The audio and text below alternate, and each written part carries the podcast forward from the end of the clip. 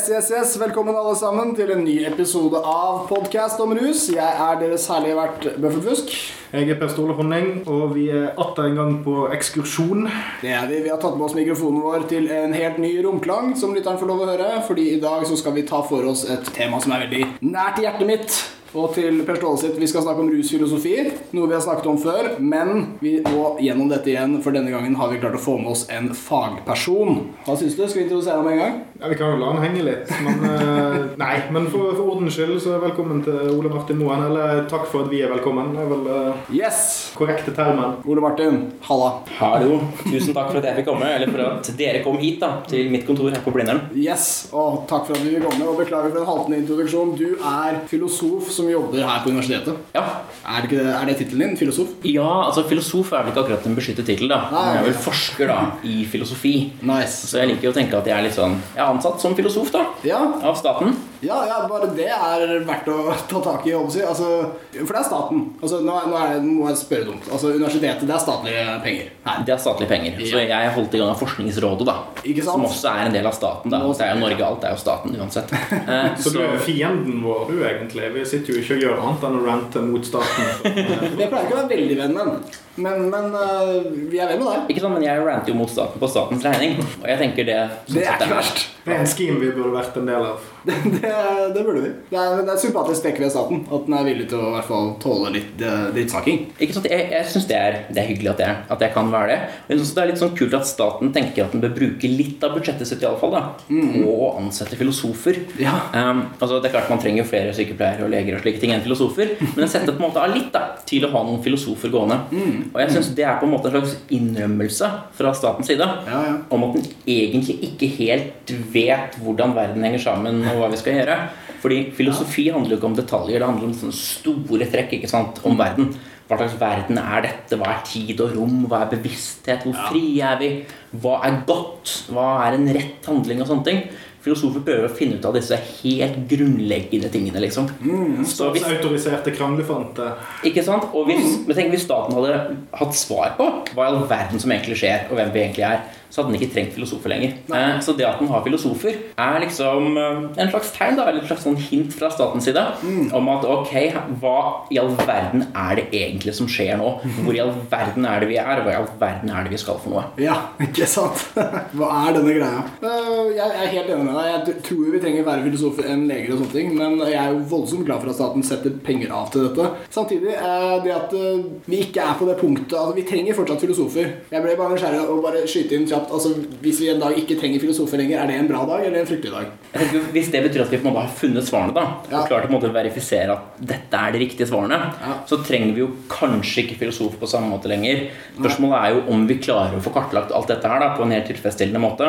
Ja. Det er ikke lett å finne endelige svar Mm. på filosofiske spørsmål. Det vi driver med, er på en måte å prøve å dytte bevisbyrder og sånn litt frem og tilbake. Ja. Finne slags, altså Filosofien er på en måte i en slags sånn heter det, stalemate. Altså Den er i en slags sånn stilling der vi ikke helt vet hvor vi skal gå. Og det fagfilosofer prøver å gjøre, er på en måte å dytte litt på ting og lirke litt på ting. Mm. Og vise at det er problemet med den posisjonen. ikke sant? Så prøve man måte å hakke seg litt fremover. da. Ja. Det er veldig sjelden du på en måte kan bare swipe over it, liksom.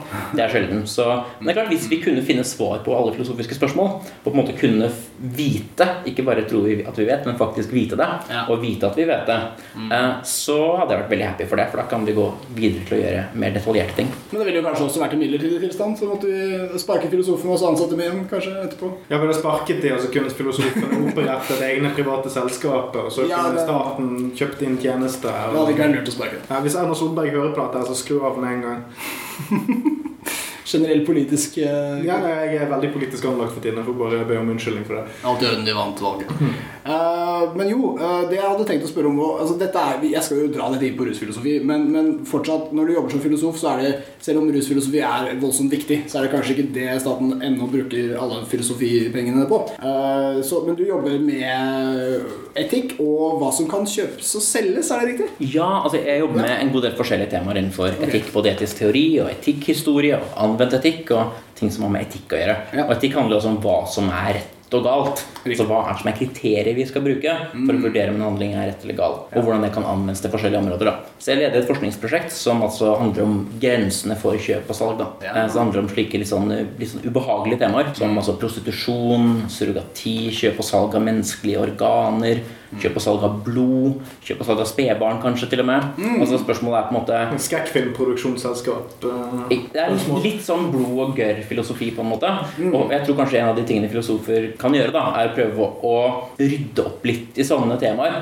Fordi filosofer er litt sånn noen kyniske jævler på en måte. Mm. Som klarer å altså, tenke på ganske fæle ting og tankeeksperimenter hvor folk blir drept hele tiden. Det er ganske sånn blodig fag. da Så det å prøve å sette seg ned med alle disse fæle tingene og si ok, ja, men hva, hva er det vi bør tenke her, da? Se på hva, Hvis vi tar alle, de andre, alle fagene sammen, Mm. og på en måte de etiske prinsippene, hvor er det vi lander da, liksom? Ja. Så det er det jeg jobber med. Og rusfilosofi, da, som er det jeg er å snakke om her, da, Mm. eh, det er jo da Det er jo litt indirekte relevant. altså Et spørsmål om hva som bør kunne kjøpes og selges, og som er veldig kontroversielt, det er jo rusmidler. Og altså rusmiddelregulering, da. Så det er på en måte min slags inngang inn i rusfilosofiens verden, da. Ja, ikke sant? Skjønner det. For jeg, jeg kan huske å ha sett eh, foredrag av eh, deg på Chateau Neuf hvor du snakket om rusfilosofi. Og da snakket du om eh, språket vi bruker om rus, og, og litt forskjellig rundt dette her. Og det er egentlig noe av det jeg håpet vi kunne snakke om her i dag. Altså, for der var det så utrolig mye spennende å ta tak i. Nei, jeg vet ikke hvor jeg skulle begynt, det men vi kunne i hvert fall gjerne tatt utgangspunkt i det. Tatt utgangspunkt i det veldig særnorske begrepet rus, f.eks. Eksempel. Hvis, eh, Vi har jo messa om det før. hvis uh, poenget altså Hvis vi trenger en inngangsport til en slags start på en diskusjon, så bare kom jeg på i farten her at uh, vi har snakket tidligere om hvordan begrepet, altså bare ordet rus, er en ganske sånn særnorsk måte å snakke om en endring av sinnstilstand på. Fordi sånn, man har intoxication på engelsk, som er litt sånn Det er en slags eh, moralsk dom over hva som skjer. Altså det er toxic. Det er topp. Giftig. Eh, mens rus er litt mer sånn nøytralt. Eh, kanskje ikke måten vi bruker det på, men bare ordet rus er ikke, er ikke knyttet til en annen negativ henstilling, egentlig. Ut, altså det er mulig å på en måte rehabilitere ordet. Så jeg bare lurte på om vi kunne bare spille litt på det sånn som en slags sånn eh, introbit her. Mm. Altså, det ene er på en måte verdidommen i det, om det ligger en verdidom der. Og intoxication er kanskje, er kanskje en verdidom i noen grad. Men det andre er på en måte at det er fascinerende at vi kategoriserer ting som rus uavhengig av hva som er altså det kausale opphavet til det. Vi snakker om gledesrus og lykkerus og kjærlighetsrus og slike ting, som også kroppene våre gjør selv. Så vi på en måte går med på da, på norsk at kroppene våre ruser oss, eh, og at det også er en rus. Og da ser man også på altså, en endring av bevissthetstilstander, mm. uavhengig av hva det er som forårsaker endringene. Om det er noe som skjer bare i kroppen, og som på en måte er en slags evolusjonsmessig tilpasning til å ha, skulle ha sex eller være redd eller gå på jakt, eller hva det er, da, som man på en måte prøver å si, blir tilpasset gjennom si, endorfin og eh, adrenalin og slike ting. Eller om det kommer fra et kjemikalie som man har tatt inn utenfra.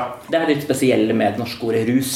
At du altså på en måte kategoriserer ting sammen da, på en litt annen måte enn hva man vanligvis gjør på engelsk. da. Ja, for vi, vi som, som du sier, for at man kan ha en gledesrus, altså man har ting som ikke er Det knyttes veldig naturlig opp til kroppsfunksjoner og bare det å leve. Det ikke du skal være ganske hardt inne på motstandssiden på legalisering før du sier at nei, ingen rus. Du skal ikke bare sitte i et hjørne og sleve. Er, liksom, det er det beste. Da ruser du deg ikke i det hele tatt. En helt nøytral, helt flat opplevelse Ja. hele tiden. De har det jo litt på engelsk, da. Altså high, for eksempel, å være high. Og en runner's high, for eksempel, som brukes litt også som noe som kroppen da selv gjør. da. Men på norsk så er det på en måte rus som et veldig sånn sentralt ord. da, et Gammelt ord også. Eh, Så jeg syns det er et, på sånn sett et godt ord da, å ha liksom i rusdebatten. Jeg tenker Det er en kategorisering av fenomener som gir mening. Og det er også en sånn på å si filosofiting. da, Å prøve å se litt på hvilke kategorier vi bruker. Om de kategoriene er en rimelig måte å kategorisere verden på. For Det er lett å bare bruke disse verktøyene, men som altså er begrepene våre. da. Men det er eh, veldig mye som avhenger av hvilke begreper vi går med på i utgangspunktet. da. Ja, Så det er på en måte et spørsmål om hva er på en måte riktig og god begrepsbruk. da. Det er også en gjeng filosofer da, her på universitetet som jobber med da. Ja, det det. Hvordan, hvordan kategorisere ting bedre. Hva er prinsippene for god kategorisering? Ja, så kult. Jeg liker jo dette med engelsk på high og low, f.eks. Altså, det tyder jo på at det kanskje finnes et nøytralt punkt også. Altså For å være low på engelsk er jo å ha det dårlig. Blues. Og å være high er jo å- ja, ikke sant, Blues kan jo også være bra, kanskje. Eh, Men, men å være high, er High jo rap. High, men, men normaltilstanden blir kanskje ingen av disse. En slags eh, mellompunkt. Eh, Jeg har lurt på det med rus også, for jeg fikk litt kritikk fra en eh, lytter. Eller veldig glad kritikk. Veldig faglig og relevant. Eh, Men eh, han sa at rus eh, omtalte meg som positivt. Det har jeg da knytta til gledesrus og språklige assosiasjoner. Men det han sa, var at det kommer fra tysk eh, rush, og han mente at det var ganske nøytralt. At eh, det handler bare om en rask endring, og at det verken trenger å være positivt eller negativt. Men det er spennende at dere er podkast om rus, da. Ja, vi er det. Vet ikke, ja, har dere hatt noen episoder om det på å si ikke-farmakologisk baserte? Nei, vi har jo Kjærlighetsrus. leflet med tanken om å snakke om Russland, f.eks. Det er jo en del russere som hører på denne podkasten fordi at de tror det er en podkast om Russland. Vi, vi skulle hete Russ-podkast, men det hadde noen russere tatt. Ja, og så- Noen russere. Jeg vet ikke om det er en bra podcast. Vi fikk også en, en slags satire av oss selv på sosiale medier en gang, hvor noen sa sånn 'Velkommen til podkasten du skrev det, da. Eh, I dag skal vi snakke om forelskelse eller vennskap eller noe sånt, som en parodi av oss. Da henspilte vi til en henvisning vi viste. Vi har snakket om kjærlighetsrus. Ja, det var, det var, I dag skal vi snakke om kjærlighet. Ja. Konkret. Og så var det sånn Her er en episode som heter 'Podkast om rus'. Episode whatever. Der var det. Ja. Så ja, vi har prøvd å Ja, bevege oss litt utenfor. Ja. Og det er veldig kult hvis man ser på kjærlighet. ikke sånn Forelskelse. Hva er det det gjør med folk? Ja. Hva, hva, slags tunnelsyn er det det gir dem? Hvor ukritiske blir de? Hvor mye vold er ikke skapt av det? Altså Jeg er ganske overbevist om at hvis si, fenomenet kjærlighet ikke fantes, da så fantes det en pille du kunne ta for å måte, ha, oppleve kjærlighet, da så er jeg ganske sikker på at den hadde vært forbudt. Eh, fordi her vil du da se den er ukontrollerbar. ikke sant? Ja, Noen skriver kanskje fine dikt med dette, men se noen gikk og hang seg liksom da, da kjæresten slo opp. Eh, Så det, det blir på en måte en Det er litt spennende å prøve å se alle de parallellene da mellom hva kroppen vår gjør, mm.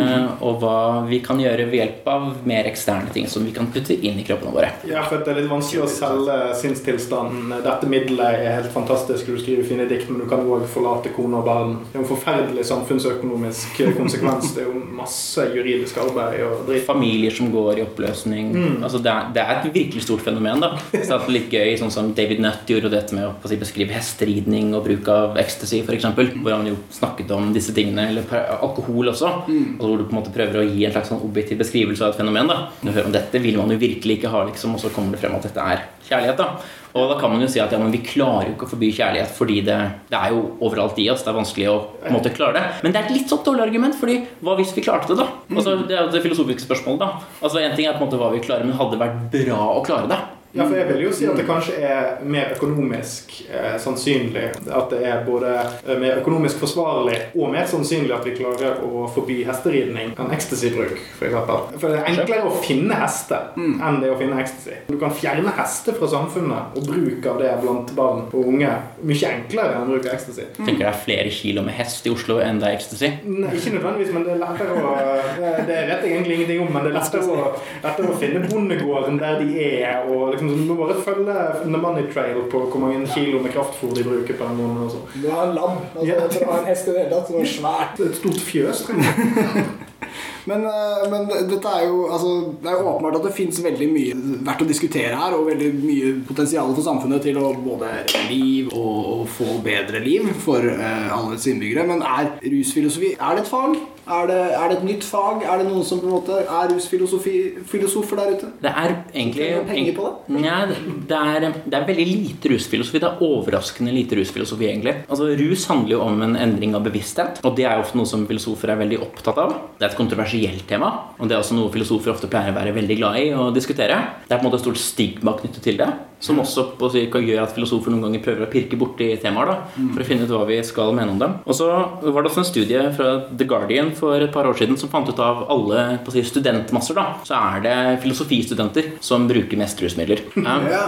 Og på en måte, og gitt dette, da, så er det litt rart at det er såpass lite på si, filosofisk forskning på rus. da. Det er noe om avhengighet. Hva er egentlig avhengighet? Altså, Hva gjør det med oss som aktører? Hva vil det si at man vet at man burde gjøre en ting, men så på si, ser man seg selv ikke gjøre det likevel? Hva er det egentlig som skjer da? Hvorfor? Dette er veldig spennende på å si, sånn handlingsfilosofisk. da. Men jeg tror det er mange likevel er masse spørsmål om rus som er forblitt ganske utforsket. da. Jeg tenker Man kan på en måte se på alle litt sånn filosofiens grener og se på en måte hvordan alle de forholder seg til rus. da. Altså, Nå skal det ikke bli for, nå skal det ikke bli for mye X-spill her, da, men altså metafysikk for eksempel, da. Rus-X-spill vil vi er gjerne ja, bra å få en eh, oppfriskning der. Ja, for det er et spørsmål hva er altså Metafysikk handler jo om hva i all verden er det som finnes, og disse tingene som finnes, hvordan henger de sammen. Eh, og det er jo Med rus da, så er det spørsmålet hva er det Hva er en rusopplevelse? Hva er det rus gjør opplevelsesmessig? Hvordan henger opplevelsene sammen med det rent nevrologiske? Så hva er sammenhengen mellom det som skjer i hjernen og selve den subjektive opplevelsen av det? Og så er det mer spørsmål om hva er det vi eventuelt kan lære, hvis man kan lære noe. Hva er det man opplever på en rusopplevelse? Hvis man ser en ting hallusinere, f.eks., hva er det egentlig som skjer da? Hva forteller det oss om persepsjonsevnen vår? Altså evnen vår til å se og omgås objektene rundt oss.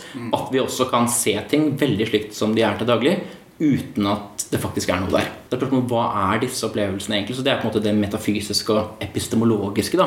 Altså Epistemologi handler om altså episteme gresk handler om kunnskap. Spørsmål Hva er det vi på en måte vet? da? Så Det er på en måte det som ofte kalles teoretisk filosofi. da. Det er på en måte Metafysikk og epistemologi og slike ting. Og så har man etikk, som er den andre siden, som er kanskje det jeg er mest opptatt av. da. Jeg tror disse tingene henger sammen. Jeg tror- rusmetafysikk og rusepistemologi henger sammen med rusetikk. Men rusetikk handler da om hva er det Er rus greit? Er det ikke greit? Bør det være forbudt? Det blir mer et slags politisk spørsmål. Og det er veldig interessant å se i debatten, i på den lille filosofidebatten som finnes da om rus, så handler det ganske mye om politikk, altså om hvorvidt rusmidler bør legaliseres eller ikke. Um, mens det på en måte det etiske spørsmålet, da, er rus greit, er mer noe som det synes som veldig mange tenker at svaret må være nei.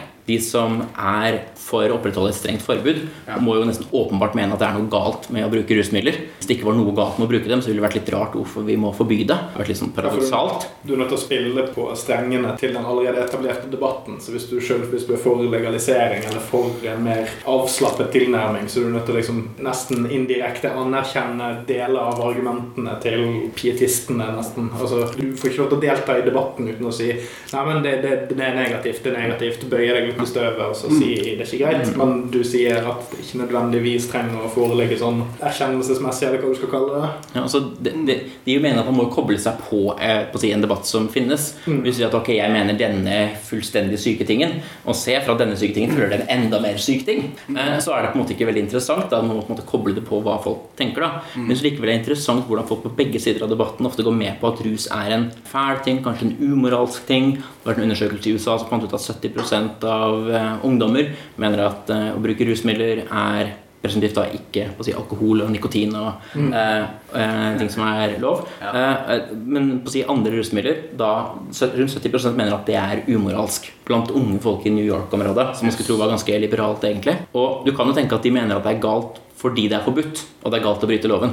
Men, men hvis galheten ved rusen skal kunne rettferdiggjøre forbudet, så kan ikke den bare bygge på at det er galt å bryte loven. Da må det være noe som presentivt er uavhengig av selve loven, som kan rettferdiggjøre at dette bør være sånn. Så det er litt spennende hvordan man på en måte snakker om de som er for legalisering. Det er ofte at det er skadereduksjon, det er snakk om man prøver å ikke å si, gjøre dette verre enn det allerede er. Men det er likevel et spennende spørsmål hva er det som er galt med rus? Altså hva er, Hvor er det problemet nøyaktig ligger? Ja, for det, det er jo et problem vi snakker en del om i denne podkasten, er hvordan autoritetspersoner veldig ofte ikke egentlig viser den forståelsen av hvorfor de ikke skal eller hvorfor vi ikke skal eh, ta rusmidler. Som f.eks. Norsk Narkotikapolitiforening eller politifolk som drar rundt på skole og snakker om rus foran unge, og sånn, og hvordan det kan være veldig kontraproduktivt i veldig mange tilfeller, fordi at de ikke bruker et språk som er forståelig for ungene. For én ting er å si dere er ikke utviklet nok til å takle disse tingene. Sant? Altså Dere er 14 år, dere må gå gjennom litt ting. dere er å...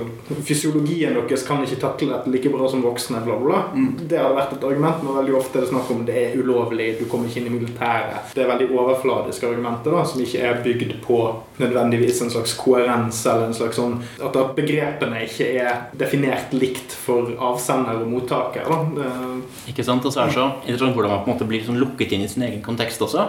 Jeg så en, en video som ble spredd på Facebook fra politiet for en del to-tre måneder siden kanskje, der de snakket om altså hvorfor man ikke bør bruke rusmidler. Man snakket om at livet kan bli ødelagt, du får ikke reise inn i USA kanskje hvis du blir tatt for det. Altså alle Du får- kan ikke ikke kjøre bil, kanskje. Og samtlige ting som ble nevnt, var ting som staten gjør med deg hvis du bruker rusmidlene. Ja. Uh, og det var, det, det, var, det var ingenting om det som handlet om okay, hva er problemet med rusbruken som sådan. Og det er klart det å stille spørsmålstegnet ved det, som jeg da gjerne gjør, er ikke å si at det ikke er noe problematisk med rus, eh, men det kan være fint å finne ut av hva nøyaktig er det som er problematisk med det. Mm. Ofte så ligger det, er det en del sånne temaer som folk på en måte bare er imot. da At dette vil vi ikke ha. Mm. Og da er det spørsmål ok, men hva, hva ved det er det som er problemet? Hvilken egenskap er det det har som gjør at det er problematisk? Det er det filosofer kaller the wrong-making property av noe. Og det kan være lurt å spørre seg. Ja, for det kombineres jo gjerne med sosial status og økonomisk status og sånne ting. Sant? Altså negative sider av ulike ting påvirker hverandre eller forsterker hverandre. Sant? Altså at fattigdom og rusmiddelmisbruk er tett sammenknyttet det er liksom et nesten objektivt faktum, men spørsmålet er hva er det med de to tingene som gjør at de forsterker hverandre, Det er i hvert fall fattige rusbrukere som først og fremst blir tatt for sin rusbruk, Ja, selvfølgelig. Det er jo skyvningsstatistikken der også. Ja, jeg, jeg, jeg mener å huske dette fra jeg var yngre, og sånn også, hvor man ofte snakket om rusmidlene som det utslagsgivende. Og da var det sånn Hvis folk hadde dårlige rusmidler, unnskyld, dårlig liv Og dårlige rusmidler. for Sikkert det òg. Så pekte man ofte på rusmidlene. Og jeg husker at jeg som barn allerede da tenkte at jeg visste om eh, folk i samme situasjon som ikke brukte rusmidler, som var like utsatt. Altså som Ja. var like fattige og skitne. Og det var, det var bl.a. én uteligger som var antinarkotika. Og så, merka jeg det at han er også uteligger. Og, hvordan vi veldig ofte da, i mine øyne, forholdt oss til narkotika som det som definerer absolutt alt. Valget å si ja eller nei til det, det vil sende veien videre. Og Det blir jo veldig selvforsterkende også, når systemet har den posisjonen. Det er nesten sånn demonisk over det. Synes jeg. Ja, det virker blir som at Man tenker at, at det er ikke en sånn naturalistisk vitenskapelig forståelse av at ok, en del stoffer vil gi deg en viss opplevelse, og da kan den være god eller dårlig, og du kan få lyst til å ta den igjen, selvfølgelig. Du kan miste kontrollen, som noen gjør med rusmidler osv. Men det virker som det er ikke bare denne, denne forståelsen som ligger der. Det er et eller annet litt sånn dypere, mørkt, fælt. Det er på en måte Satan som frister igjen, da. Jeg synes det, på en måte, det er på en måte litt sånn Jeg ser noen sånne paralleller, da. Nå er ikke jeg, nå er ikke jeg på å si sosiolog eller sosialantropolog og jobber ikke med hva folk faktisk mener om rus og hvordan det er det, men jeg syns jeg på en måte enser denne tanken da, om Ja. at det er et eller annet veldig veldig ille med det.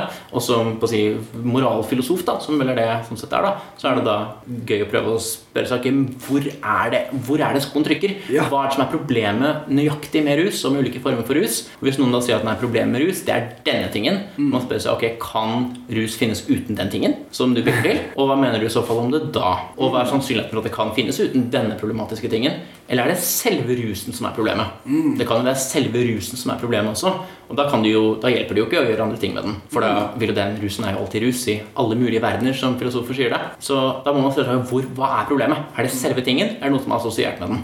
Ja, ikke sant. Eh, nei, du var inne på med dette med at det, var, eh, at det er nesten demonisk. Og, og bare for å ta det i, Som om djevelen kommer og lokker deg da med Ja. rusmidlene. Ikke sant? Så hvis du, hvis du svarer ja eh, til rusmidlene Du må alltid si nei. Nancy Reagan. Eh, så, Just say no. En gang du sier ja, så har du åpnet døren for, for djevelen. Og, rent bibelsk så er det jo sånn at uh, Gud er sannheten, og djevelen er jo løgnen. Altså Han lurer. Det er ikke sant. Altså Selv om du kan ha det både fint og dårlig der, så er det ikke Det er en illusjon. Altså Det er egentlig godt å være hos Gud, mens djevelen er bare bøff og lureri. Dette er veldig sentralt. Uh, men er det, er det det som er galt med rus, da? At vi blir sånn lurt? Og i så fall, så hvorfor får folk så dårlig liv av å bli lurt? Altså Blir, blir du hjemløs hvis du lurer deg sjæl? Det er klart, Hvis du begynner å tro veldig mange ting som er usanne, da, så kan man jo se for seg at det kan føre til problemer her og der. Ja, nettopp. Ved at du dunker inn i ting og spiser ting du ikke burde spise. Sånn. Poeng. Pro- Problemet er at det er lurt å på å si, ha Det er liksom å kjøre med bind for øynene, liksom. Ja. Og det er litt viktig å huske at altså, For at vi skal kunne ha det bra, da, så er det veldig mye som må klaffe. Ja. Altså kroppene våre, Det er veldig mange millioner ting som må klaffe for at ting skal gå bra. Så hvis du begynner å gjøre bare sånn tilfeldige inngrep i kroppen, liksom, så går det sannsynligvis ikke så bra. Så, det, så jeg tenker at det er veldig fornuftig at det er veldig forståelig at det er i hvert fall på er generelt skummelt å bli lurt. Altså, Humanitisk Forbund hadde en sånn kampanje 'Ingen liker å bli lurt'. Det sant. Det tror jeg er feil. Eh, Men, men, De aller men fleste eh, liker å bli lurt, men noen ganger er ikke det så greit. Det er ikke så velklingende tittel. Nei, de fleste liker ikke å bli lurt om viktige ting. Eh, Men, men, men jeg, jeg tror det er en av de si, sentrale innsigelsene mange har da, mot rus. Og et slags problem i, si, i rusfilosofien, da, som også en som heter Douglas Cusack, en veldig, veldig spennende amerikansk filosof. Han, han er redaktør for et tidsskrift som heter Criminal Law and Philosophy. En veldig anerkjent å si, strafferettsfilosof og, Ja. og jurist, som også har skrevet en del om, om rus. da. Og han sier at Et slags problem her er at veldig mange av motstanderne av rus forklarer ikke hva som er galt med det. Så den interessante tingen man har i, i rusdebatten, da, er jo at de som fremmer de sterkeste motargumentene mot rus, er de som selv ikke er så veldig mot rus. For det er ingen andre som egentlig fremmer dem så veldig godt. Det er noen som har skrevet om det, Uh, en som heter Timothy Siao, HSIAO, som skrev hvorfor det er Skriv ned, skriv ned. Ja, som skrev hvorfor det er umoralsk med rusbruk i et sånt obskurt katolsk bioetikk-tidsskrift. Ja, ok. Uh, ikke en god artikkel. Uh, men det er på en måte Det er veldig lite der da å ta. Og Ja. det er på en måte nesten litt sånn problematisk, fordi hadde det vært en del argumenter der, så kunne man liksom angrepet dem. Men hvis noen ikke er med i debatten, så er det spørsmål om hvem er det du skal slå til, liksom? Altså, hvem er det du på en måte skal slå ditt argumentative sverd mot, da? Ja. Det er liksom ikke noen å angripe på en måte. Så man slår litt sånn ut i tomrom, da. Men en av tingene jeg jobber med nå, da, er å prøve å på en måte finne ut hva, hva er de gode argumentene som gjør at rus skal være så galt. Og det er mange argumenter som jeg si, gjerne vil diskutere. Så kontroll er et viktig si, tema for noen. Det er avhengighet, som gjelder for noen rusmidler snarere enn andre. Men jeg tror det du sa, altså dette med at vi blir lurt, da, tror jeg er veldig sentralt. Det er ingen som egentlig har formulert de argumentene noe særlig. Men jeg tror det er en sånn dyp tanke mange har om at det å bruke rusmidler gjør at folk blir litt sånn frakoblet fra verden rundt seg. Så du kan, hvis du er edru, så kan du på en måte være i en relasjon med andre mennesker, og du ser verden rundt deg og kan forholde deg til den. Men hvis du er ruset, da, og jo mer ruset du er, jo mer frakoblet er du. Og det kan på en måte være gøy da, hvis verden rundt deg er fæl, og på en måte leve i en fantasiverden, men det er jo da litt skummelt da, å leve i en fantasiverden. Så jeg tror sånn bildet noen har av dette er litt sånn tilsvarende om at hvis noen liksom, du kan se på TV liksom, så kan du riste i antennen, eh, og da kan du få noen sånne sprakinger og slik på skjermen, og kanskje er det gøy å se på, men du tar ikke imot signalene lenger, altså du fucker med mottakeren din da. Og det tror jeg er et sånt bilde som ganske mange har på rus. Og det er, et slags sånt, det er jo et slags epistemologisk poeng. Altså om at, om at her er det en slags kunnskapsforvrengning eller forvridning. Og dette er ikke noe egentlig nevrovitenskapen som sier så forferdelig mye om. Nei, okay. Altså om, det- om noe er sant eller ikke, om du begynner å ha usanne oppfatninger av hva som egentlig er ultimat sett sant da, av hva du opplever. Det er mer sånn, Da kommer man litt over på den sånn filosofiske banehalvdelen. Ok, nå er det på tide med Per Ståles eh, popkulturelle referanse for å prøve å oppsummere ting. Så jeg bare har lyst til å si en ting. Eh, For et par dager siden så, så jeg eh, for første gang i mitt liv eh, 80-tallsklassikeren Footloose. Eh, Har dere sett den? Den har jeg sett. Nei. Uh, Footloose handler om en eh, fyr fra Chicago som er 18 år, som flytter til en liten eh, bumfuck Illinois eller et eller annet forferdelig ruralt sted i USA. Og han kan danse, han kan turne, og han røyker og han drikker øl og sånn, men der har de forbudt dansing. Fordi Ja. at for noen år siden så døde noen tenåringer etter en kveld med tett dansing og ungdomskultur. Og så handler hele filmen om at du må få denne byen til å skjønne at ja, men dansing er jo greit. Eh, De argumenterer med bibelsitat i en høring med byrådet og alt mulig. Og det, han flørter med prestens datter, som også er en slags skurk, men egentlig ikke en skurk, for han vil jo bare liksom verne barna. Og, og i gjennomgående i hele den filmen, jeg satt jeg og tenkte på når jeg så det, var det at det, det som er fantastisk med han, er at det aldri egentlig er en konkret bad guy. Det er egentlig ingen som kommer inn og er liksom en slags djevel som sier til byen at nei, sånn må vi ha det fordi at Bibelen sier det, whatever. Det er bare at det er en sånn kollektiv forståelse av at ja, ja, men ungdommene gjorde X. De danset, og så Ja. kjørte de utfor en bro, og så døde de. Da må vi forby den tingen de gjorde. Fordi at Vi kan ikke ta noe ansvar utover å forholde oss til det objektive vi kan observere. Vi må bare ja, X, Y, Z. Ferdig kake. Og jeg fikk litt de vibbene av dette epistemologiske argumentet du hadde. Eh, Det å erkjenne at en utøvelse av en ting ikke nødvendigvis er konsekvensen av det som kommer etterpå. Det er mer det å ta ansvar for den tingen man gjør, eller bruke det strukturelt, eller bruke det til en konkret ting som ikke nødvendigvis er fælt Ja. eller dumt, eller whatever. Ja, og Folk vil jo gå med på at det finnes jo dårlige former for dansing. Um, og, og som kan være skadelige, sikkert. Og det er jo, det er jo si, krist, kristne miljøer i Norge som inntil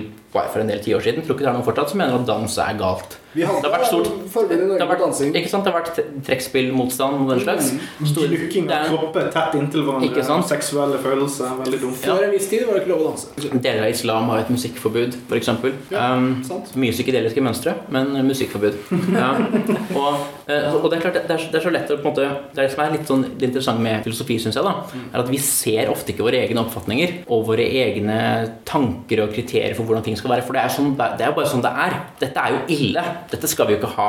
Og derfor er jo på å si, filosofer litt sånn uh, rebelske i den forstand og spør ja, hvorfor er det egentlig sånn.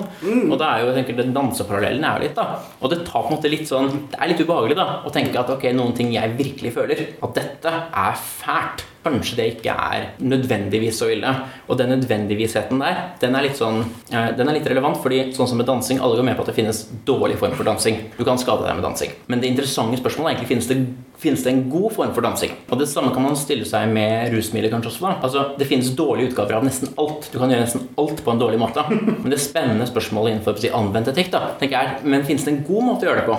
Eh, Så da kan man tenke seg innenfor rus da, Finnes det noen rusbruk som kan være akseptabel, enda kanskje bra? Eller finnes det ingen rusbruk som er der? Man spør seg, Er det optimale rusnivået i samfunnet liksom null? Eller er det optimale over null? Under null kommer det jo da ikke.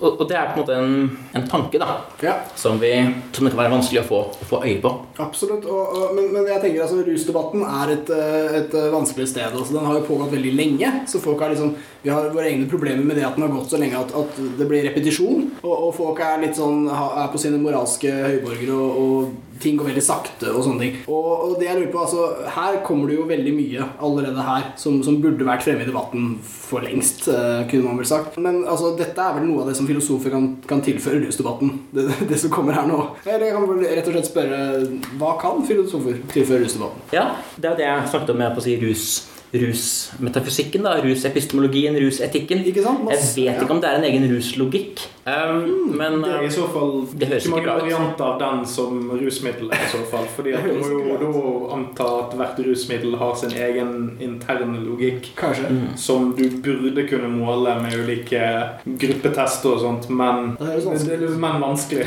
Du kan i hvert fall ikke dra en stor greie om det. Generell ruslogikk? Nei, det Nei. ja, det er logikken i litt sånn streng forstand også. Det er ikke bare, så Logikk brukes i litt sånn allmenn forstand om altså hvordan ting henger sammen. Men på filosofi så er logikken litt mer sånn litt mer mer spesifikk ting. da Det er på en måte vår, vårt lille forsøk på å være litt naturvitenskapelige. Ja, ikke sant. Ikke sant. Ja, er ikke, ikke så uh, lokalt orientert. Er litt mer sånn kosmisk. Det tror jeg vi er på en måte uansett. Vi er ofte litt sånn kosmisk eh, lokalisert, tror jeg. Um, mens matematikken er jo nettopp en måte å vise at vi kan gjøre tekniske ting, vi også. Ja, som dere andre ikke forstår. Så der kan vi bruke masse symboler som ser veldig rare ut.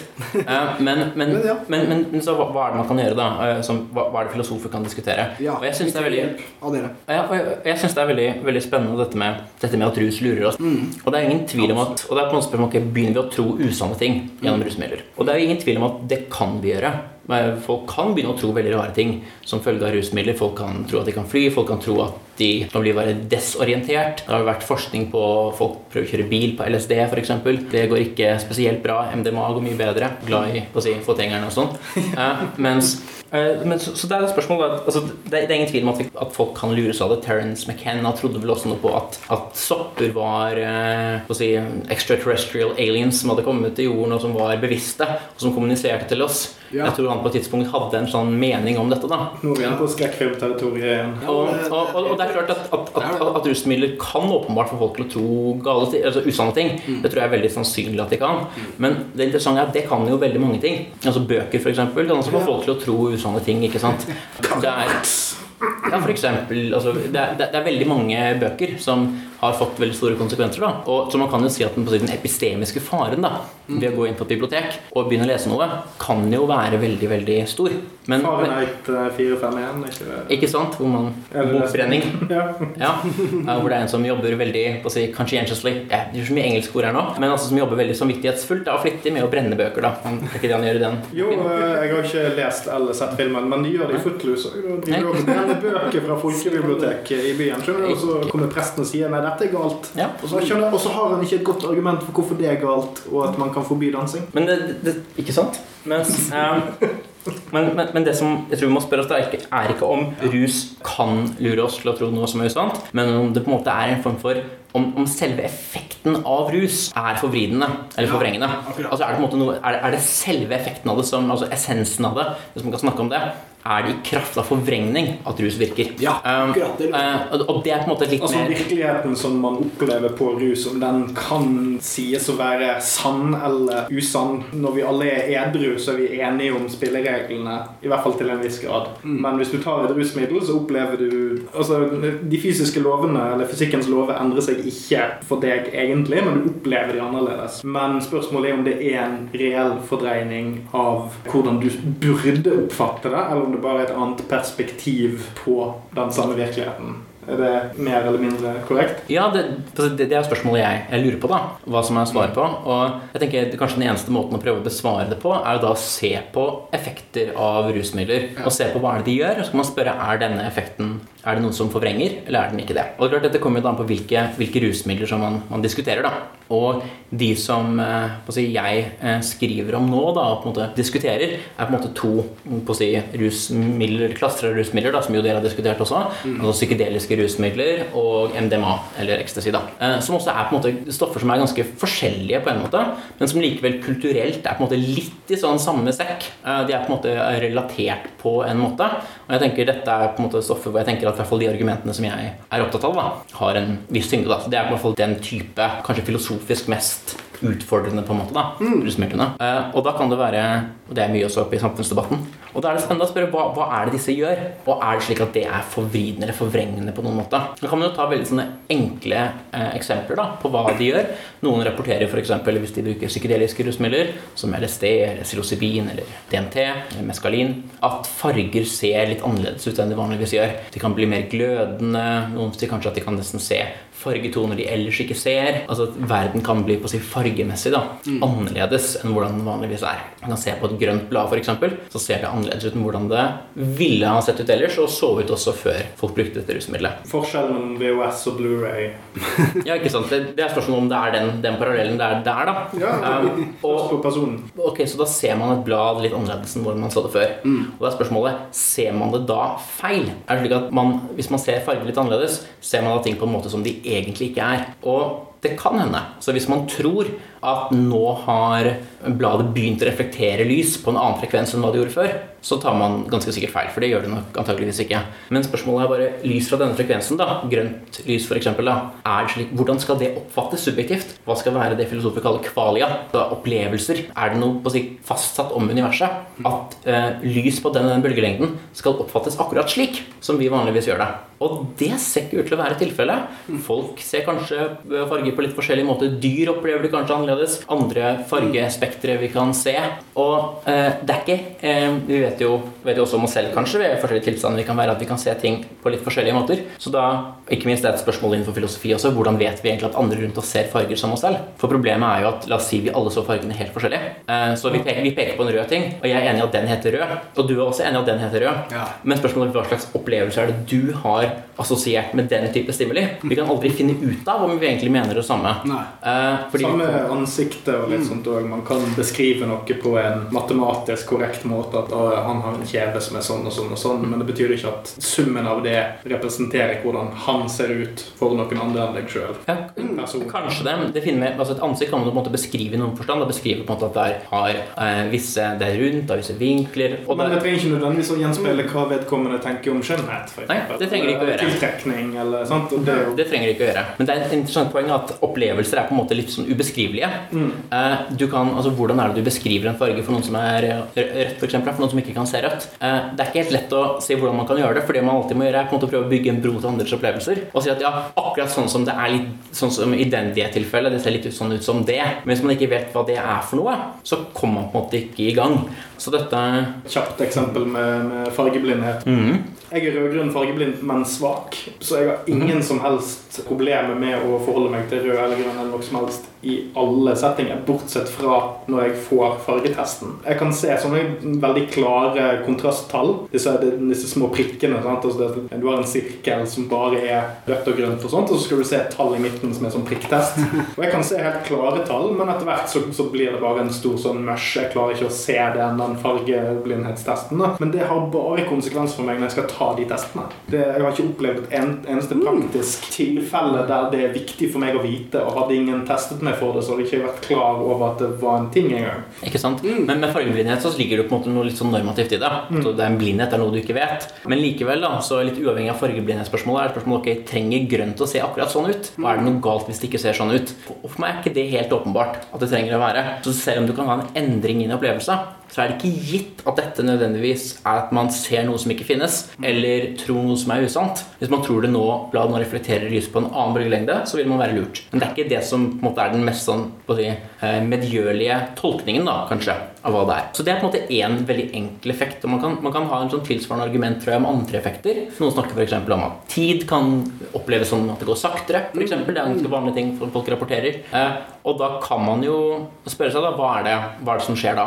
Og en tolkning igjen som vil være en, en forvrengning, er at man tror at hele universet på en måte har begynt å gå saktere enn hva det ellers gjør. Og hvis man tror det, så er det kan være riktig, men det er kanskje ikke helt sannsynlig at det er riktig. Men spørsmålet er kan det være at vi har en endring her igjen da, i tidsoppfattelse, uten at det nødvendigvis er en forvrengning. Og man kan jo kanskje tenke seg, for Vi vet jo ikke hvordan det oppleves å være andre dyr. Du kan se for deg for at for en mygg, da, som ting skjer veldig fort for, som man ser for oss, så slik at hvis vi prøver å slå til en mygg, så kommer denne hånden veldig sakte nedover. Og den kommer ned og ned og ned og ned, og den tar seg en liten blund, og når den kommer nærmere, så kan den fly av gårde, liksom. Mens en skilpadde kanskje er på motsatt side. Kanskje den, når vi går sakte forbi, så fyker vi forbi den. Altså, nå overdriver jeg, men det kan godt hende det er forskjeller Ja. i poenget. Så det er spørsmålet igjen da, det at vi opplever tiden som saktere, er det nødvendigvis en feil, eller er det ikke det? Ja, men altså, mm. Nå spiller jo vi dette inn i desember, og den 24. desember så er det jo veldig mange som kan kjøre en liten sånn tidsoppfatningstest på julaften. Så kan du sitte og spise julemiddag, og hvis det fins unge i den familien der, så vil de oppfatte at den tiden her går jævlig sakte. Det brukte veldig lang tid på å drikke den kaffen etter den veldig veldig lange pinnekjøttmiddagen. Sant? Altså, det, er, det er helt Ikke sant? hvor lang tid den kvelden der kan ta. Ja, vi tenker Hvis du kjeder deg, så går den sakte. Hvis du har det gøy, så går den fort. Når du er barn, så er jo en uke kjempelenge og sommerferie en evighet. Eh, Når du er voksen, så fyker månedene forbi. Og, så vi vet jo at det er forskjeller her. da Og det, ser ut som vi på en måte går med på at det kan være endringer i dette som er andre måter å forholde seg til fenomenet tid på. da Nå må det finnes tid, og tiden går fremover. Det tror jeg er sannsynlig at det finnes virkelig tid. Noen bestrider jo det også. Men likevel, hvordan oppleves denne tingen? da hvordan, Hva slags sånn tidspace for, for slags, Hvor fort er det det går, egentlig? Det er ikke gitt at det er en feil der heller. Så det er også en ting hvor man på en måte kan lage litt rom da, for endring uten nødvendigvis forvrengning. Ja, absolutt. Og det, Man kan lage mange eksempler. En eksempel er, noen har kanskje lest The Doors of Perception av Aldous Huxley.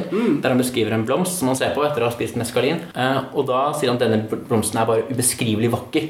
Den er fantastisk. Han syns den er veldig veldig flott. Den står i en vase på et bord. Eh, han synes den er mye vakrere enn han ellers synes. Og da er spørsmålet igjen, da, se på vakkerhet. Er det slik at hvis ting blir vakrere da, for ham, er det slik at han da ser ting feil, og slik de ikke egentlig er? Og hvis man mener at vakkerheten virkelig er på en måte iboende i blomsten kan tenke at Blomsten har på en måte tre av ti vakkerhetspoeng. Men, og det er slik Aldous Huxley vanligvis ser det. Eh, mens når han har spist meskalin, så ser han den som ni av ti. Og da ser han den ikke akkurat slik den egentlig er, men han ser den på en litt feil måte. Og her igjen synes det litt sånn underlig å skulle si at det nødvendigvis er feil. Vi vet at folk har ulik estetisk sans. Folk har noen syns noen er vakkert, noen andre syns noe annet er vakkert. Noen er på en måte mer overveldet av vakkerhet enn andre er. Så jeg synes det var et slags rom da, for endring uten forvrengning. Akkurat, men Dette er veldig interessant. Eh, Det var noe jeg tenkte på tidligere med det, med det epistemiske delen av dette. Hvor jeg kom til å tenke på, altså Du snakker om veldig abstrakte opplevelser som vi ikke vet om vi har utbytte av. og sånne ting, Så kom jeg til å tenke på drømmer. Og jeg hadde også tenkt å spørre deg om hva filosofer tenker eh, rundt det. Men, men apropos dette med positive og negative, sånn som Aldous Huxley han ser denne blomsten som veldig vakker. Og det å se ting vakkert, det er jo noe vi vil gjøre. Eh, hvis en venn av oss har en drøm eh, som er dårlig, eh, et mareritt, så vil vi trolig finne det veldig behagelig å si at det var ikke sant, det som skjedde nå. Det var bare i hodet ditt. Men hvis din venn har en drøm som er veldig pen, er Ja. veldig vakker og fin, så vil det være rart å minne ham på at det der var bare falskt. Det der var ikke, det der var ikke ordentlig. Og med en gang noen sier til Alice Huxley at hans eh, observasjon av den blomsten var bare falsk og, og feil, så blir det en veldig dyster posisjon. En litt sånn, litt sånn nedlatende, men negativ. Det er jo på en måte nedlatende, for da tar man jo Ja. Så Vi må huske at vi har jo evolvert, altså sinnene våre har jo evolvert Ja. til å representere verden på en viss måte. Og det er ikke riktig at vi har et slags sånn nøytralt punkt som vi ser verden fra. Vi ser blomster slik det var reproduktivt lurt for oss å se blomster. Ja. Um, og, så så vi, måte, vi er ikke nøytrale tilskuere til verden. Så ved å si at den egentlig er tre av ti, og det er slik den vanligvis ser ut, da tar man på en måte en slags for gitt da, at man selv har det helt sånn nøytrale. Helt, uh, at man ser tingene slik den egentlig er. Akkurat. Så, så ja, nå har vi på en måte sett på litt sånn opplevelser av tid og si, farger, vakkerhet og sånn. da Ja. Men man kan også dra dette litt i retning av Man kan, man kan jo òg være relativ til en blomst. Altså, Jeg er jo f.eks. eksempel ikke en florist, Nei? så jeg vil ha en helt annen innstilling til en god blomst enn det en person som bruker hele livet på å snakke om blomster, vil ha. Blomsterfinn vil ha veldig sterke meninger om en god blomst kontra hva jeg vil ha. En ti av ti blomst for ham vil jo være en to av ti blomst for meg, for jeg har sett sånne blomster før. Ikke sant, så det gir deg ikke så veldig mye. Nei, så, Så- altså, Selv når vi snakker om ting som er objektivt sant, Ja. så er det òg et skjønn involvert her. Ja. ikke det? Så la oss si at uh, meskalin eksempel, ville dyttet deg litt i retning av å bli blomsterfinn. ikke sant? Wow! Altså Du på en måte går litt i retning av hvordan det er å være blomsterfinn en dag, og så går du tilbake igjen. Ja. Og da er spørsmålet Hvis vi går med på at både du og blomsterfinn har helt på å si, legitime opplevelser av verden, så er det litt rart at å bevege seg mellom dere skulle bety at du opplever noe feil. Og man kan ta et tilsvarende, tilsvarende argument. Da. Nå har vi på en måte snakket om psykedeliske rusmidler, da, men MDMA som vi også nevnte, er noe som er kjent for å gi gjøre folk på å si empatiske, trygge, åpne osv. videre, tillitsfulle. Og derfor har det også synes å ha si, gode effekter innenfor på å si, psykoterapi i forbindelse med posttraumatisk stressyndrom og slike ting. Mens um, da kan man så at folk blir på å si, mer, mer kjærlige, åpne, uh, tillitsfulle. Og da er igjen spørsmålet da, er det feil? Er det slik at noen da opplever verden slik den ikke er? Og klart, Hvis de tror at alle elsker en, og at alt er bra, klart da tror de noe som er feil. For det gjør de kanskje ikke. Det er ikke sikkert man selv elsker alle, det er ikke sikkert at alle elsker en selv. Men det er interessant her igjen da, å ha en sånn blomsterfinn-parallell. da. La oss si for eksempel, En parallell jeg noen ganger har brukt, er å snakke om, om bonoboer, altså dvergsjimpanser, mm. bonoboer, og vanlige sjimpanser. Ja, det er gruppe seks-sjimpansene. ikke? Ikke sant? Det er bonoboene. Ja. Og det er på en måte, så Hvis man skal lage et sånn karikert bilde av dem, da, så er disse bonoboene veldig sånn kroppslige, sensuelle, tillitsfulle, la oss si. Kanskje ikke etter menneskestandard. Kanskje ikke alltid, men de, de er på en måte mer fysiske da, enn hva i hvert fall moderne mennesker ofte er, med å klemme på hverandre og sånn. Ja, mens sjimpanser da, kan vi se på, er litt mer, røffe. litt mer røffe. Du har alfahann, liksom, eh, og du har et hierarki, og sånn er det, liksom. Og da kan man selvfølgelig tenke at så du har noen som er veldig på å si, sensuelle og eh, empatiske, kanskje. da Så er det noen som er veldig røffe og harde. Og så kan man selvfølgelig si at er det noen av disse som tar feil? Er det noen av disse som har på en måte feil tilnærming til verden?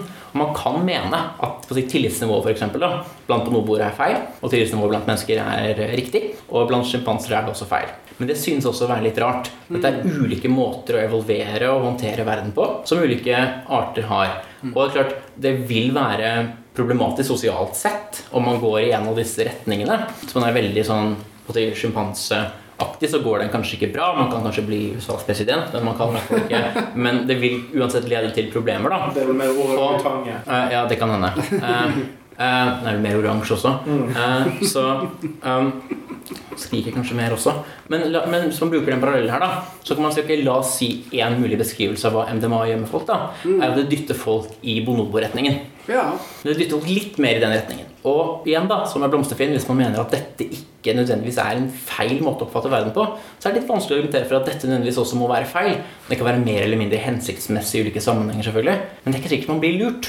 Og så dette er på en måte Så, så jeg syns det er spennende å se på opplevelser da, og spørre er det, er det noe lureri her, egentlig.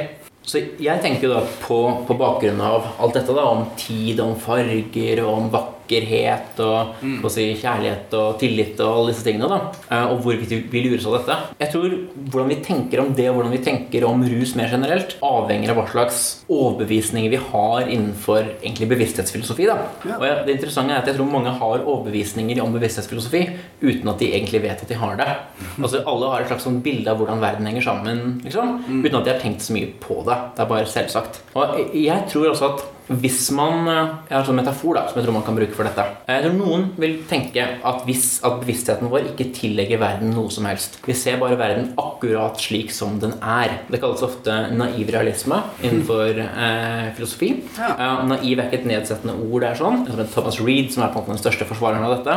Um, det heter Michael Humer, som er en av de store eh, i dag. Som mener at vi ser virkelig objektet slik det er. Vi, vi, bevisstheten vår, tillegger ikke noe. Så En slags metafor for å forstå det synet kan være at vi på en måte ser ut på verden gjennom et veldig tynt glass. Et, bare et helt glass som ikke tillegger noe, ikke forvrenger noe.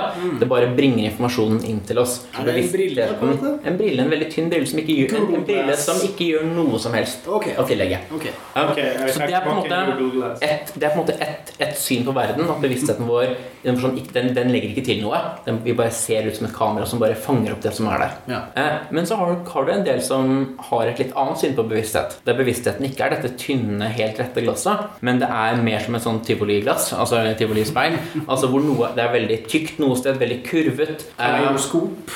Ja, ikke sant? Det er jo veldig heftig. Da ser du jo veldig lite av hva som er der.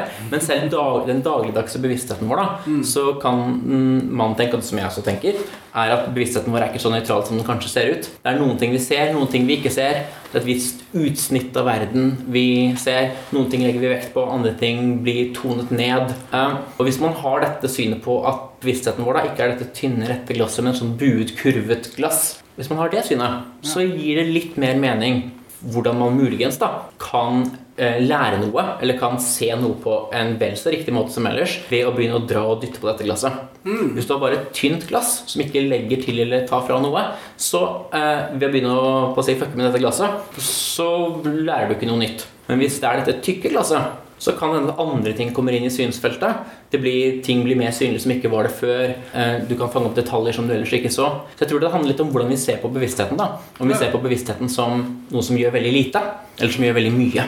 Og hvis du har et syn på at den gjør veldig lite, så er det forståelig hvorfor man tenker at rus må være forvridende. Mens tenker man at bevisstheten gjør mye mer, så eh, gir det mer mening hvorfor rus kan føre til bevissthetsendringer.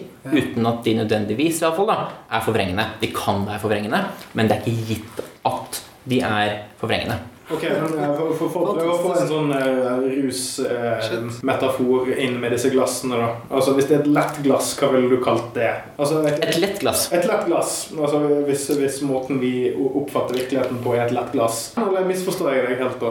Ja, Tanken er ikke så mye om glasset er lett eller om det måtte være tungt. Eller tjukt, da. Ja, Tynt og ja. tjukt. Altså, altså, spørsmålet er bare hvor mye er det bevisstheten vår former opplevelsene våre. Er det slik at alt ligger der ute i verden, eller ligger det også veldig mye i oss? Er det slik at vår bevissthet former mye, slik at andres bevissthet, andre menneskers, andre arters bevissthet, kan være veldig annerledes enn vår, men likevel at vi på en måte ser på den samme verden der ute, da, men på ulike måter. Uh, og har man tanken om at ens eget perspektiv på verden er helt nøytralt, og ikke forvridende på noen måte, Så er det så- et tynt glass. da er det som et tynt glass. Ja. Men så har man tanken om at vi har masse biaser, vi har masse ting vi ikke tør se på, vi har mange ting vi frykter, vi har masse sånn på å si, selvbekreftende ting hele tiden som vi ønsker å tolke verden inn i.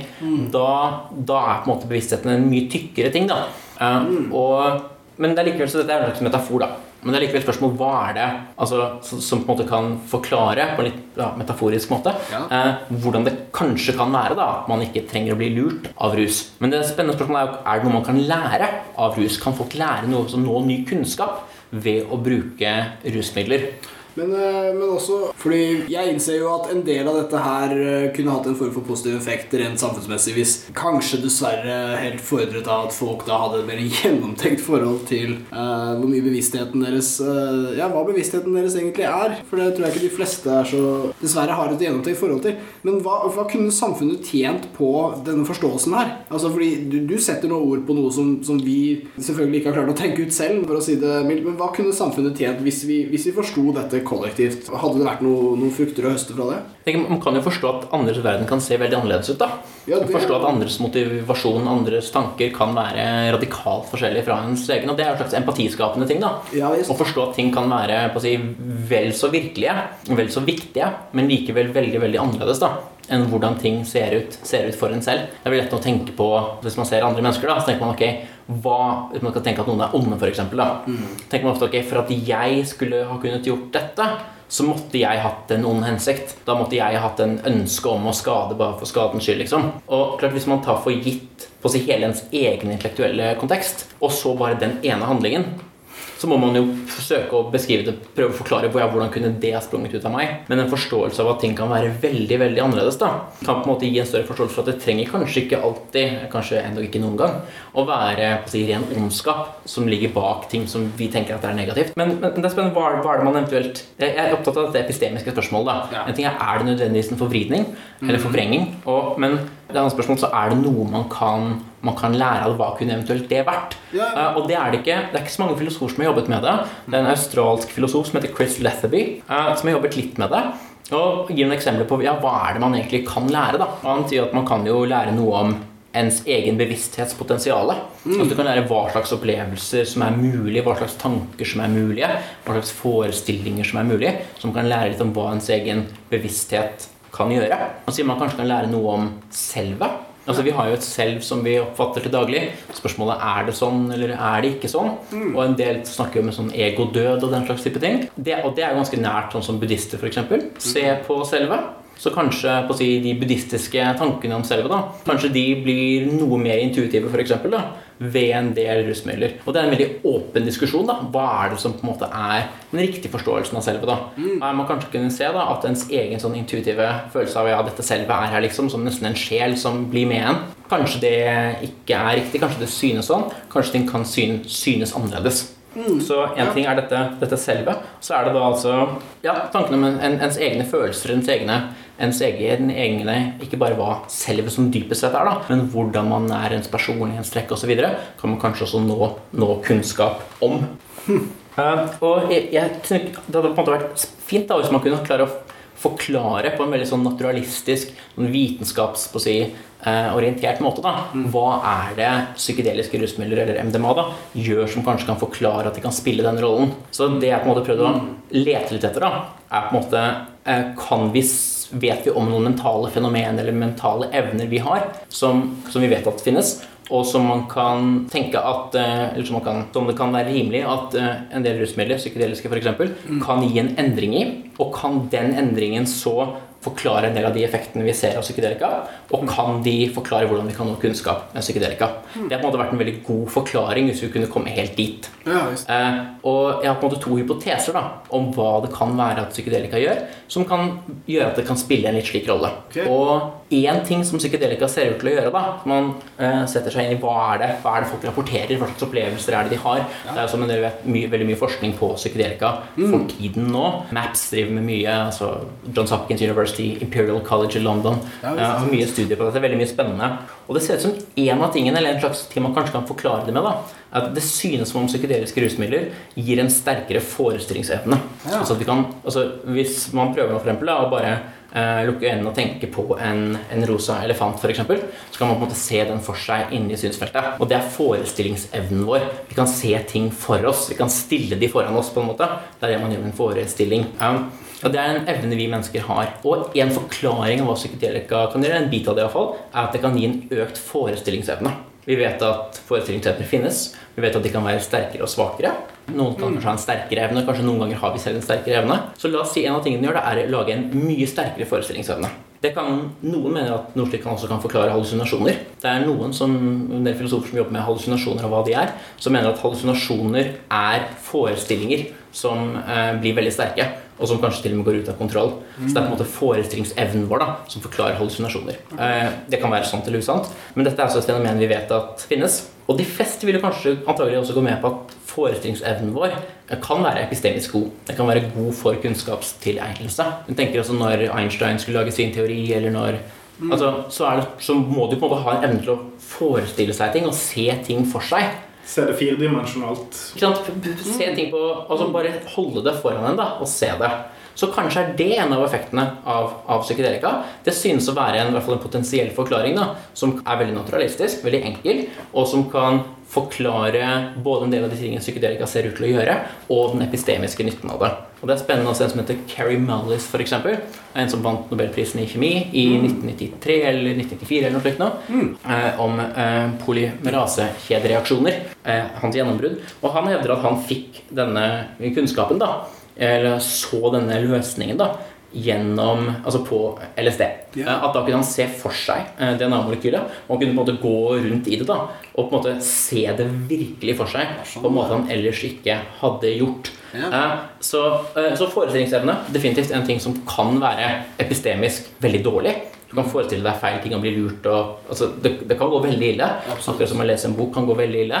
Men spørsmålet er kan det, kan det også være at det er enten bare nøytralt, eller kan det også være at du kan nå positive ting gjennom det? Og kanskje gjennom å kunne formulere hypoteser og slikt. Kanskje det kan være en nøkkel til folk til å forstå en mulig god epistemisk ting ved, ved psykedelika. Man kan bli litt smartere, kanskje.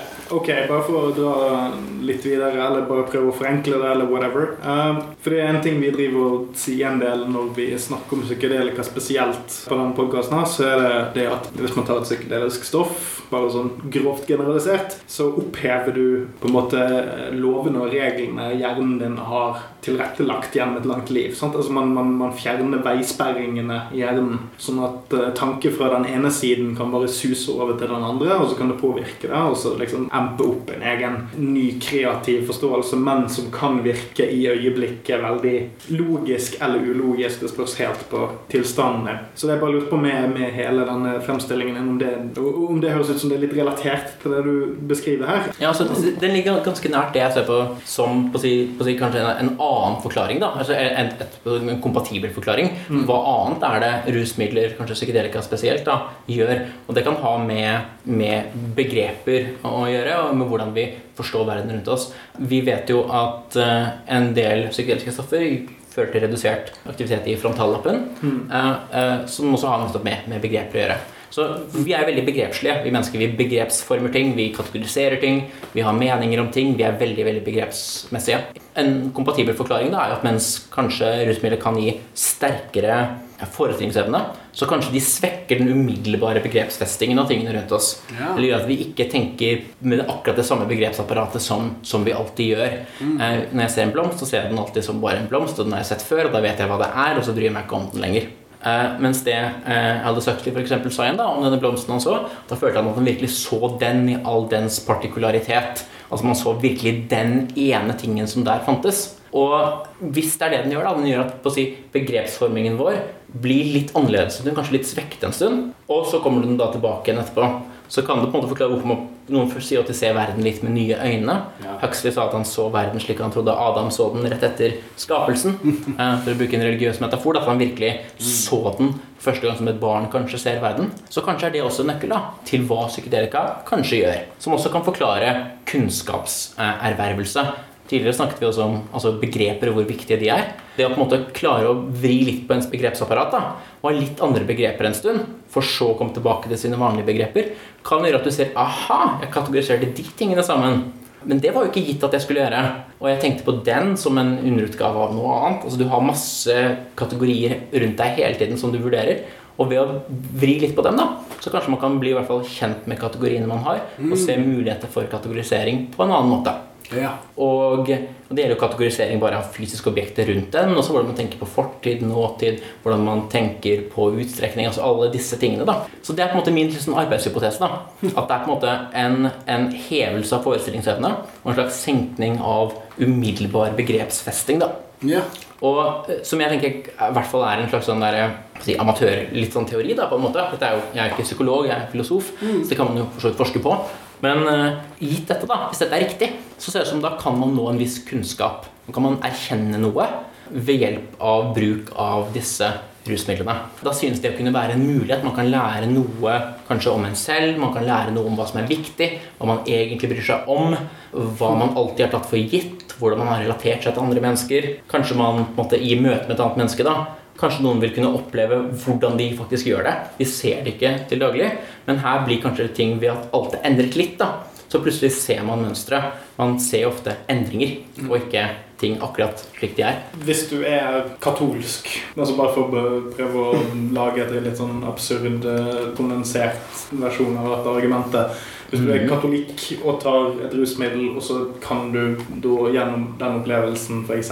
kanskje til, være tilbøyelig til å se ting fra et islamsk perspektiv, eller uh, gitt din uh, posisjon eller din, din bakgrunn, så vil du innenfor noen rammer ha muligheten til å kikke rundt hjørnet på neste sving. Ja, og, og hvis, hvis det fantes et, en form for verktøy som du kunne i hvert fall litt lettere forstå den Mm. andres posisjon som islam hvis du er katolikk, ville, ville det ikke vært et positivt eh, redskap. Det vil for noen være negativt, fordi at du kan være forlokket til å bli konvertitt. Eh, Men i, i enkelte settinger vil jo det være en slags sånn her eh, nesten eh, økumenisk verdi. At å, ja, nå skal vi sette oss ned her og finne hva som er fellesskapet for gudstro, uavhengig av sekteriske tendenser og den typen ting. Men, men religion er vanskelig, og med, med forbehold på med at det fins en, en slags felles sannhet der, så, så føler jeg at det, det Ole Martin nevner her, er ting som vi, vi har snublet innom veldig mange ganger når vi har snakket om psykedelika. Så at uh, uansett, altså, uansett hva du får ut av en tripp, har vi nevnt før, så ser det ut til at du får perspektiv. Og perspektiv det, det er litt sånn dyrkjøpt greie. Det er noe folk lever veldig lang tid for å få ofte. Selv folk som har hatt ganske dårlige opplevelser på psykedelika, de rapporterer ofte om at de, de hadde ikke et smalere perspektiv etterpå. Det ble noe utvidet. Det var lett lettere å forstå hva andre mennesker også mener om verden. og litt sånne ting. Så at det er noe kunnskapstilegnelse, i hvert fall potensialet der, det er, det er for meg helt åpenbart. Ja. Ja. Det det, virker som om at tendensen med psykedelika i sitt verst hvis vi ser vekk fra psykose og alle, alle sånne veldig sånn klinisk observerbare negative tendenser så Som også det- finnes. Ja, som finnes, og som burde bare understrekes, og det er det vi gjør veldig ofte her. Så sånn, det verste konsekvensen virker ofte å være det at man har fått eh, masse ny informasjon som man ikke nødvendigvis klarer å prosessere. Det er kanskje den verste varianten. At man har, man har opplevd noe man ikke klarer å sette helt fingeren på hva er. Og det kan jo gå litt sånn pan- Det kan virke litt sånn Pandoras eske-aktig. Ja, det blir- At man har åpnet noe man ikke kan lukke, og nå, nå, er en, eh, nå, nå har man et perspektiv man ikke klarer å helt å liksom forme eller Man, man, man kan jo, Folk syns å kunne, kunne se ting som kan være godt eller dårlig for dem, for så vidt at de så, men man kan få en perspektivendring som man kanskje ikke kan komme tilbake fra. Ja. De perspektivendringene som du altså nevnte, de er jo det er veldig sånn spennende ting sånn igjen epistemologisk. da. Hva er en perspektivendring, egentlig? Altså, Hva er det? Ja, Du kan tenke, folk har jo ofte en del eh, perspektivendringer som de kan ha. Altså Noen blir foreldre, f.eks. eksempel Ja. Så ser de da verden på en litt annen måte enn de gjorde før. Men det er ikke det at de lærte noe konkret nytt. Det er ikke sånn at de ikke visste hvordan en baby så ut, liksom. Nei? Eh, Eller visste hvordan den lager lyd, liksom. Det er ikke noe slik at nå er det din baby. ja, og Det er et eller annet sånn eksistensielt ved det. da Eller ved å reise, f.eks. Så tenker jeg at da er det perspektivendring. Eller da menneskeheten klarte å dra på si vekk fra jorden. da Og fange hele jordkloden i et bilde fra et kamera. Og på en måte så jordkloden samlet. da Så synes det å være en ganske sånn Astronauter sier også dette. At da på en måte At det har en viss sånn dyp eh, si, effekt i sjelen deres. da Hvor de føler Oi, dette er, på, det er noe kosmisk ved det. da Men lærte de egentlig noe nytt da? Og det spennende er at det var jo ikke egentlig noe de ikke visste fra før av, men ting ble tydeligere og klarere for dem. da Ting syntes på en litt annen måte. Og det er kanskje også en ting som kan argumenteres for da som en form for litt mer diffus da kunnskapstilegnelse, som i hvert fall ikke kan utelukke da at folk kanskje får ved hjelp av noen rusmidler. Men der har vi et ganske sånn klart skille mellom f.eks. rusmiddelbruk og oppdagelsesreisende eller eventyrere. da. For, ok, det, det er jo en ting man har drevet og sagt for menneskehetens utvikling. og sånt. Nå er det at alle de store oppdagelsene er gjort. Man kan ikke lenger fysisk bestige et fjell som aldri har blitt besteget før. Det er gjort. Man har vært på månen og alt det der. Men forskjellen er jo det at det er den fysiske verden som vi alle er enige om eksisterer. Eh, Men vi har et skille på det, og f.eks. det å utfordre seg sjøl sånn psykonautisk, eller gjennom det å ta rusmiddel og utfordre sin egen personlighet, sin egen persepsjon, og alt mulig. Men at den ene tingen er mer fysisk og konkret, derfor er den mer akseptabel, derfor er den mer allment akseptert. At, hva han heter, han der eh, sørishavseileren vi har i Norge? Eh, Jarle Andøy. Jarle Andøy driver og eh, havner på TV fordi at han drar til Sørishavet fordi at det er så jævlig mandig og sånt. Men så sitter jeg og ser Jarl Arnøy på TV og sånn Ja, men hvorfor er dette en helt? Altså, han driver jo bare og risikerer livet sitt for shits and giggles. Det er ikke, ikke noe Jeg får ikke noe liksom emosjonelt oppbyggende ut av å se han gjøre sånne ting. Det er bare macho posturing. Mm. Men kanskje han får noe ut av det? Ja, han får noe ut av det. Men som samfunn skal vi forherlige den Ja. Og, og det, det er litt spennende da, å tenke ok, hva Det er jo farlig å dra rundt i, på havet, liksom. Um, antagelig farligere enn å bruke, bruke mange rusmidler. Og det er jo hvis noe det folk prøver å få til da med på å si storslått naturopplevelser, da, å se Grand Canyon i USA, eller hva det skal være, så er det på en måte å bli slått av denne stor, storheten ved det. da. Og det, men det interessante er jo hva om en del rusmidler kan også være en vei til den samme følelsen, men da bare overfor en blomst. Eh, og det er jo da Det er jo veldig klimavennlig, blant annet, da, hvis vi slipper å fly folk til Grand Canyon for å få den følelsen. Fordi hvis du har fall, jeg, tenker at godene ligger i opplevelser. Så det vi egentlig gjør når vi reiser rundt i verden, er at vi prøver å manipulere opplevelsene våre. Så hvis jeg reiser til Paris, så prøver jeg på en måte å manipulere opplevelsene ved hjelp av Paris. da og og det er jo en litt sånn komplisert måte å frembringe nevrologisk endring på.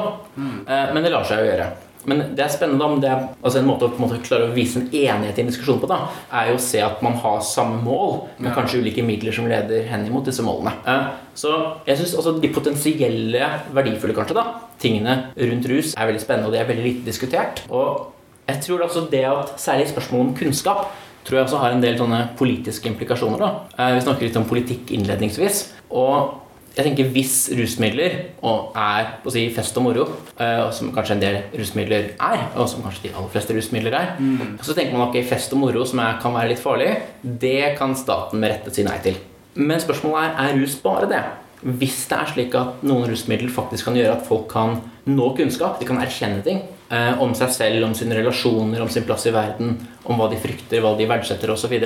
Hvis de faktisk kan nå mer kunnskap om det ved hjelp av rusmidler, så tror jeg man kan argumentere da, for at forbudet mot rusmidler er en form for sensur. For det er da en tilbakeholding ikke bare av fest og moro, Moro er greit, det også. Eh, Men det er på en måte en tilbakeholdning kanskje da, av erkjennelser og kunnskap. Altså jeg tror ikke denne, Dette epistemiske spørsmålet da, om hva rus egentlig er, og hva det gjør med bevisstheten vår, har noen ganske store implikasjoner for hvordan rus også bør reguleres. da. Tenker med bøker igjen da, at de kan være villedende. Eh, Det, kanskje de ikke er Kanskje de kan få folk til å tro ting som er usanne, men det er likevel en mulighet for læring der. da, Og da er det veldig veldig si, strengt regulert. Staten skal ikke brenne bøker, den skal ikke forby bøker. Det er vi veldig veldig imot. Og vi er for ytringsfrihet.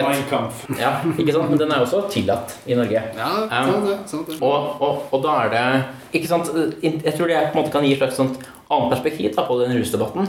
Hvis det er det man faktisk da holder tilbake folk fra. Hvis man ser på et rusmiddel ikke nødvendigvis bare som fest og moro, men også som en slags Ikke en ting man lærer av direkte. Det ligger jo antakeligvis ikke noe kunnskap i selve molekylet, men det setter jo ens eh, hjerne, en sentralnervesystem, ens tenkning, i stand til å gjøre ting som man ellers ikke kunne gjøre. Som en slags nøkkel som vrir i en lås som gjør at ting blir annerledes. Det er ikke det, er ikke, det, er ikke det at det ligger kunnskap i stoffet, antagelig. Eh, men det er at man kan gjøre andre mentale handlinger da, enn hva man kunne gjøre før. Hvis de på en måte treffer kunnskap, på en måte, i hvert fall in, intim kunnskap om, om personen selv, da, om hva som er viktig her i livet, tenker jeg da må man ha veldig veldig tungtveiende argumenter for å kunne opprettholde forbudet. Det er ikke gitt at forbudet er galt likevel. Det kan være at det bør opprettholdes. Men da tenker at det er på en måte et argument som jeg tenker taler ganske tungt da, på den siden, og da et argument som jeg ser veldig lite av da, i den offentlige debatten om rus. Det er veldig veldig godt poeng. Ja, og, og, og sensuren har den funksjonen at det skal holde ting stabilt. Vi liker ting sånn som det er. Vi prøver å bevare tilstanden sånn som det er nå. Økonomisk vekst som vi kjenner nå. Sosial standard.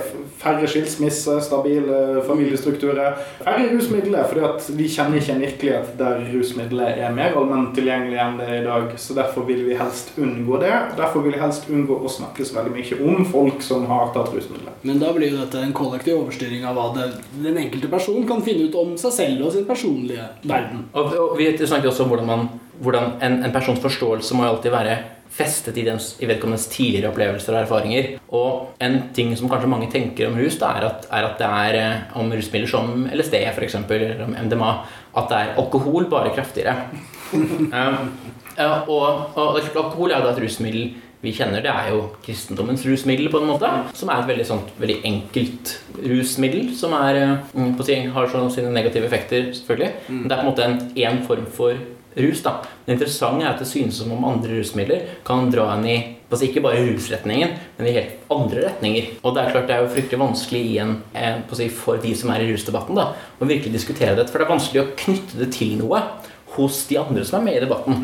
Så jeg tenker den, altså spørsmålet om ja, Hvis man skal gjøre epistemiske fremskritt selv, da, så må man på en måte bygge fra der man er selv. da og Det er et slags kommunikasjonsproblem kanskje også. da Ja, eh. Men her tror jeg nettopp forskningen da som nå skjer om MDMA og om psykedelika, Mm. er, er veldig verdifull. Det skjer ekstremt god forskning, særlig som jeg nevnte på Johns Hopkins University, Mm. som altså er en av de beste medical schoolene i verden. Eh, Det er på en måte Harvard og de som på en måte kniver om å være nummer én. liksom Ja. Eh, Der er det veldig interessante studier på psilocybin. Og en ting som er litt spennende der, som jeg tror filosofer kan hjelpe litt til med, på en måte, er at det man ser med psilocybin, er at folk kan ha en veldig angst for å dø, f.eks. eksempel Det har man gjort gitt til på sitt si, terminalt syke. Og så ser man, eller folk som har, eh, er dypt deprimerte. Og så ser man at dette, at én dose, en gang eller kanskje to doser, kan ha en langvarig effekt. Og innen psykiatrisk forskning så er det litt uvanlig. Altså Skal man få folk til å føle seg bedre, så kan man gi dem benzodiazepiner, for eksempel, kan gi dem valium, eh, men da må de ha det hver dag. Kan gi dem SSRI, altså sånn som Cipralex og slike eh, eh, midler som også gjør at, at serotoninnivået blir litt høyere. Og da må de ha det hele tiden. Og det er på en måte en litt sånn underlig sånn oddball-ting. da At du kan gi folk én dose, og så har de det bedre Ja. over lang tid. Og hvordan kan det være? Det er ikke noe man innenfor psykiatrien har så veldig mange mulighet, altså har så mye på si, begrepsfesting på. da Nei. Men det interessante er jo at hvis denne benefiten du får, er epistemisk Hvis du lærer noe, da trenger du ofte bare én dose. Ja. Eh, Så eh, det er altså innsikter er av en slik type at de gjerne har en varig effekt. Så det, jeg tenker at denne epistemiske forklaringen av rus også da kanskje også kan være med på å kanskje mulig da forklare da noen av de effektene som vi ser. Kanskje noen ser for eksempel at døden som de har fryktet så mye, ikke egentlig er så mye å frykte. Kanskje den bare er sånn som tiden før vi ble født, f.eks. Og egentlig ikke er noe ille eh, i seg selv, liksom. Kanskje folk får et litt eh, annet syn på tilværelsen. da jeg tenker denne, Dette er på en måte noe som ikke er diskutert i den psykiatriske litteraturen. da, Som jeg tror filosofer kan gjøre en god jobb. Men nettopp å introdusere det som en mulig forklaringsmodell da, på da, hvordan det kan være at en dose kan ha, kan ha den effekten. Fascinerende. Herre jævla Dette er da lyden av Buffett Fusk som er målløs. kjære lytter. Uh, uh, Ja. Dette er jævlig, jævlig bra. Skal vi ta en avrusning? Avrusning! Kom igjen, Buffett. Ja, det er vel noe, det er, det er, på, det er vel noe det er på tide at jeg skal ta oppsummere da, hva som har blitt sagt, og det viktigste. Liksom, trekke frem det og sånne Og ting. jeg har jo sett at du har notert i iherdig i løpet av de siste Eh, jeg, nøyer, 200 jeg, minuttene. jeg nøyer meg med å si at jeg er uhyre glad for at eh, så mye av ting jeg har eh, ikke klart å sette ord på tidligere, har blitt ganske godt oppsummert i dag. Men, men en avrusning fra min side blir altså, Kanskje Ole Martin kan hjelpe meg litt? Jeg kan, jeg kan prøve. Eh, Ja, Altså-. Altså det, det vi på en måte har lurt på, er jo hva er det som måte er problemet med rus. da, Hvor er det det ligger? Ja. Og dette kommer på eksamen, folkens. Ja, og, og, og det en ting vi diskuterte, da, var dette med at vi blir lurt av rus. Og at det er der problemet ligger. Det er mange andre argumenter man kan vurdere også, men dette er ett argument. da. Og så så vi jo på litt av eh, effektene da, som rus kan ha. Som psykedelika med farger, med tid, med vakkerhet, med tillit f.eks. med, med sjimpansen og bonoboene. Og man prøvde å begynne å peke til da, at hvordan vi ser på Eh, rus avhenger av hvordan vi ser på bevisstheten vår. Om den bare er som det tynne glasset, hvor vi ser alt som det er, eller om det er dette tykke, kurvede glasset, hvor du også kan kanskje muligens da, lære ting ved å endre på det. Så jeg prøvde å gi en slags sånn naturalistisk, som jeg kalte det, da, forklaring på hva, hva rus kanskje er, da. Ved at det hever si, forestillingsevnen vår, senker den umiddelbare begrepsfestingen av ting, og hvordan det med en viss rimelighet da kanskje kan hevdes at det er mulig i hvert fall da, ikke bare å bli lurt, men også å nå erkjennelser av enten om ikke av fysiske fakta rundt om i verden, men i hvert fall om en selv og ens, eget, ens egne verdier og ens egne relasjoner eksempel. Og hvordan dette kan ha en effekt på det politiske. Altså hva, hvordan skal vi forstå ruspolitikk og diskutere ruspolitikk, og også litt med hvordan dette kanskje kan forklare da, en del av de effektene som vi nå ser i forskningen på psykedelika spesielt. da. Ja. Og nå håper jeg at uh, lytterens eh, hode har sluttet å snurre.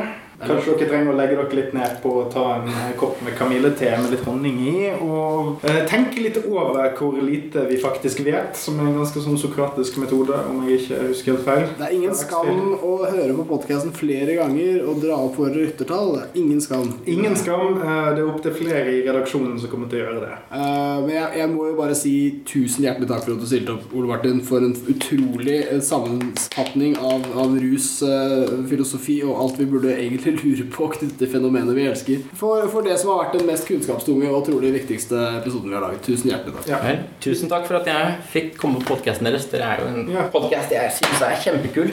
Så er veldig gøy å få være her. Jo, tusen takk. Vi skal gå å skamme oss litt. Skam og ære i en, en salig miks, tenker jeg. Altså en skære, som de sier på dansk. Tusen takk for oss. Takk for i dag.